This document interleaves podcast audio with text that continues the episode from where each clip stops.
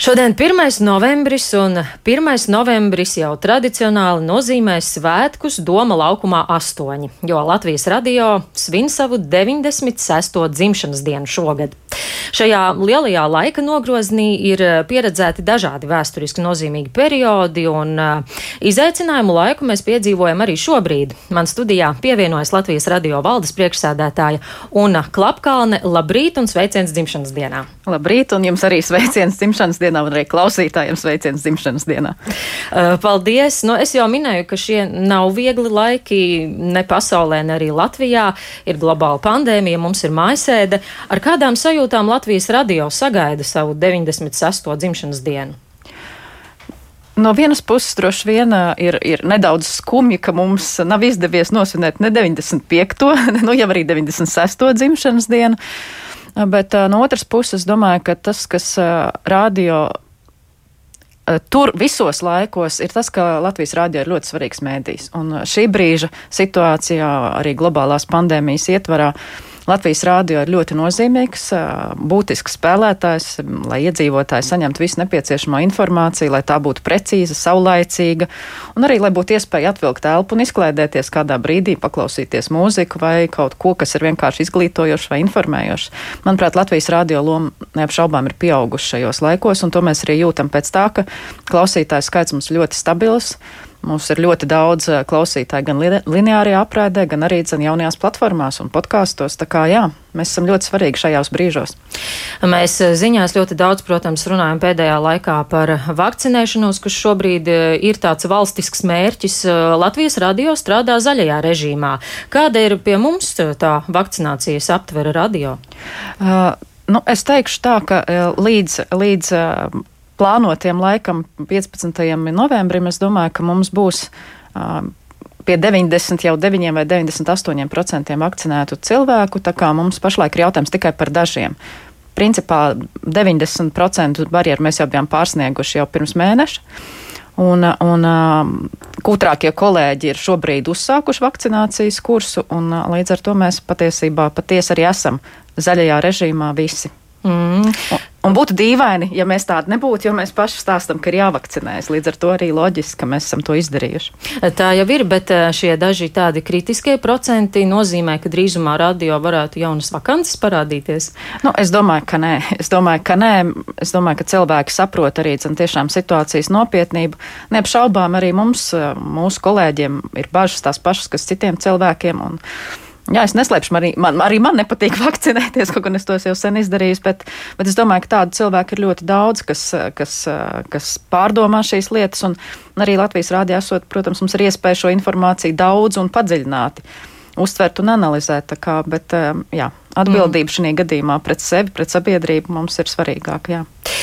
Runājot par vakancēm, ir jauna amata vieta, ko ieviesīs gan Latvijas radio, gan Latvijas televīzija. Tas ir galvenais redaktors. Kādēļ šāda jauna pozīcija ir nepieciešama un kā tad sokas ar šī kandidāta meklējumiem? Jā, šī pozīcija ir radusies, jāsaka, jau gan kopš šī gada janvāra. Tā ir jaunā sabiedrisko elektronisko plašsaziņas līdzekļu pārvaldības likuma ieviesta. Un, uh, mēs esam arī dzen, uzsākuši konkursu procedūru, un uh, es ceru, ka, nu, jāsaka, tuvākā mēneša laikā arī mēs būsim skaidrībā par to, kas šis cilvēks varētu būt. Šobrīd notiek uh, pretendentu pieteikšanās, un tad arī sāksies izvērtēšana. Kā, nu jā, tas patiesībā ir bijis ar domu palielināt satura nozīmību un arī dzen, redakcionālo neatkarību sabiedriskajos mēdījos. Tā ir, tas ir mērķis šai vakancei. Kādā ir vērtējama aktivitāte pieteikties šim amatam? Nu, es šajā gadījumā droši vien teiktu, ka svarīgākais būs kvalitāte, nevis kvantitāte, bet man jāteic, ka es pat īsti nezinu. Es zinu, ka ir, ir pretendenti, jā, ir pilnīgi noteikti. Un eh, tuvākā mēneša laikā varētu būt skaidrs, jā, kas jā. būs šis cilvēks radio. Eh, nu, tas, eh, protams, arī skar jautājumu par sabiedrisko mediju apvienošanu un sabiedrisko elektronisko plašsaziņas līdzekļu padomē. Viens no uzdevumiem tā tad arī ir izstrādāt sabiedrisko mediju apvienošanos jau diezgan tuvā nākotnē. Cik jums ir zināms, vai ir plāns jau gatavs un kā to vērtēt? Šobrīd tieši ar šo nedēļu uzsāksies darbs trīs darba grupās - Sabiedrisko elektronisko plašsaziņas līdzekļu padomas vadībā attiecībā uz pārvaldības, satura, finanšu un infrastruktūras jautājumiem. Šodien sanāk tieši pārvaldības darba grupa, kur ir nominēti gan gana daudz kolēģi no Latvijas rādio, es pieļauju, arī no Latvijas televīzijas, un tad mēs kopā sāksim darbu pie tā, lai saprastu, kā šīs process būtu veidojams un vadāms un kas ir tas, nu, kas ir ļoti svarīgs gan rādio, gan televīzijā, kur atrast kaut kādus kompromisus šajās visās. Kas ir tās radio prioritātes? Kas ir mums svarīgi šajā apvienošanās procesā? Uh, neapšaubāmi viena no pirmajām prioritātēm, par ko mēs runājām arī dzen, uh, likuma tapšanas procesā, ir ziņu dienestu saglabāšana un neatkarība. Tā ir lieta, par ko mēs esam runājuši un ko, par ko mums arī dzen, ir izpratne ar padomu vien, vienlīdzīga, ka šie dienesti saglabājas gan Latvijas rādio, gan Latvijas televīzijā, vismaz pirmajā posmā noteikti. Tas, kas mums ir ļoti svarīgi, arī dzen, ir saprast, kādā veidā mēs kā, izlīdzinām atalgojumu, jo neslēpsim, mēs zinām, ka Latvijas televīzija atalgojums ir um, dāsnāks nekā Latvijas rādio, neskatoties uz to, ka mums ir bijušas jau pēdējos gados daudzas reformas atalgojumam, bet to, tomēr mēs joprojām nesasniedzam šo līmeni. Līdz ar to tā noteikti ir viena no tādām problēmām, par ko būs jārunā.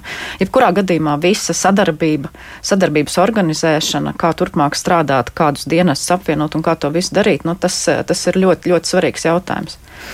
Vai ir zināms, kas ir tās būtiskākās lietas, kas mainīsies un kas noteikti nemainīsies? Nu, jūs jau minējāt saglabāt ziņu dienestus, bet kas būs tas, ko mēs tiešām jutīsim apvienošanās rezultātā?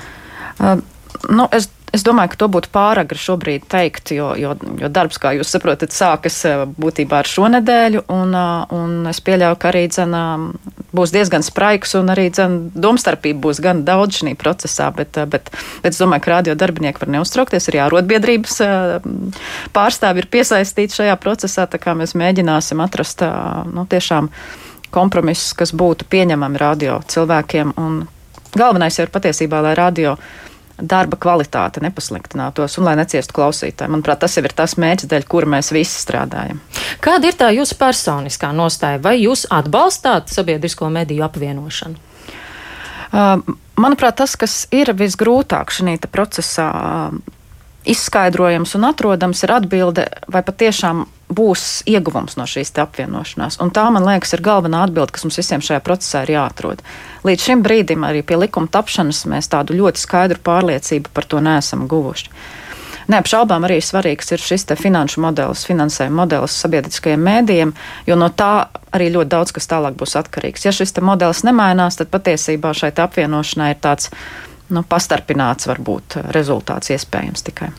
Kā jūs redzat, kad šī apvienošanās varētu pa īstam notikt?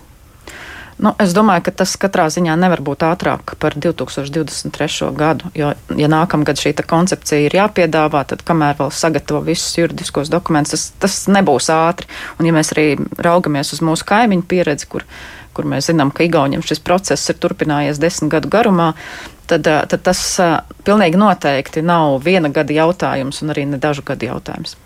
Tas, kas noteikti ir svarīgi radio darbiniekiem, vai mums nenāksies pamest savu ēku domu laukumā astoņi? Nu, par to patiesībā šī, brīd, šī brīža sarunās nav, nav bijusi nekāda, tā teikt, konkrētāka izpratne veidota, un, un tas pašlaik tiek atstāts uz tādu tā kā nākamo jautājumu. Es piekrītu, ka Latvijas radio zīmolam un Latvijas radio darbiniekiem šī ēka ir svarīga. Viņa kļūst ar katru brīdi ar vien skaistāka un, un, un, un patīkamāka. Kā, nu, tas būs ļoti, ļoti nopietnas diskusija jautājums par šo ēku un arī par pirmo studiju, kurā ir tapuši un top nozīmīgi ieraksti. Tā kā nu, jā, pašiem būs šis jautājums jā, jā, jāizcīna un, un jāpārliecina. Jā, jābūt gataviem diskusijām jau tuvākajā laikā. Protams. Tik tālu paldies šorīt saku Latvijas radio valdes priekšsādātājai Unai Klapkalnei.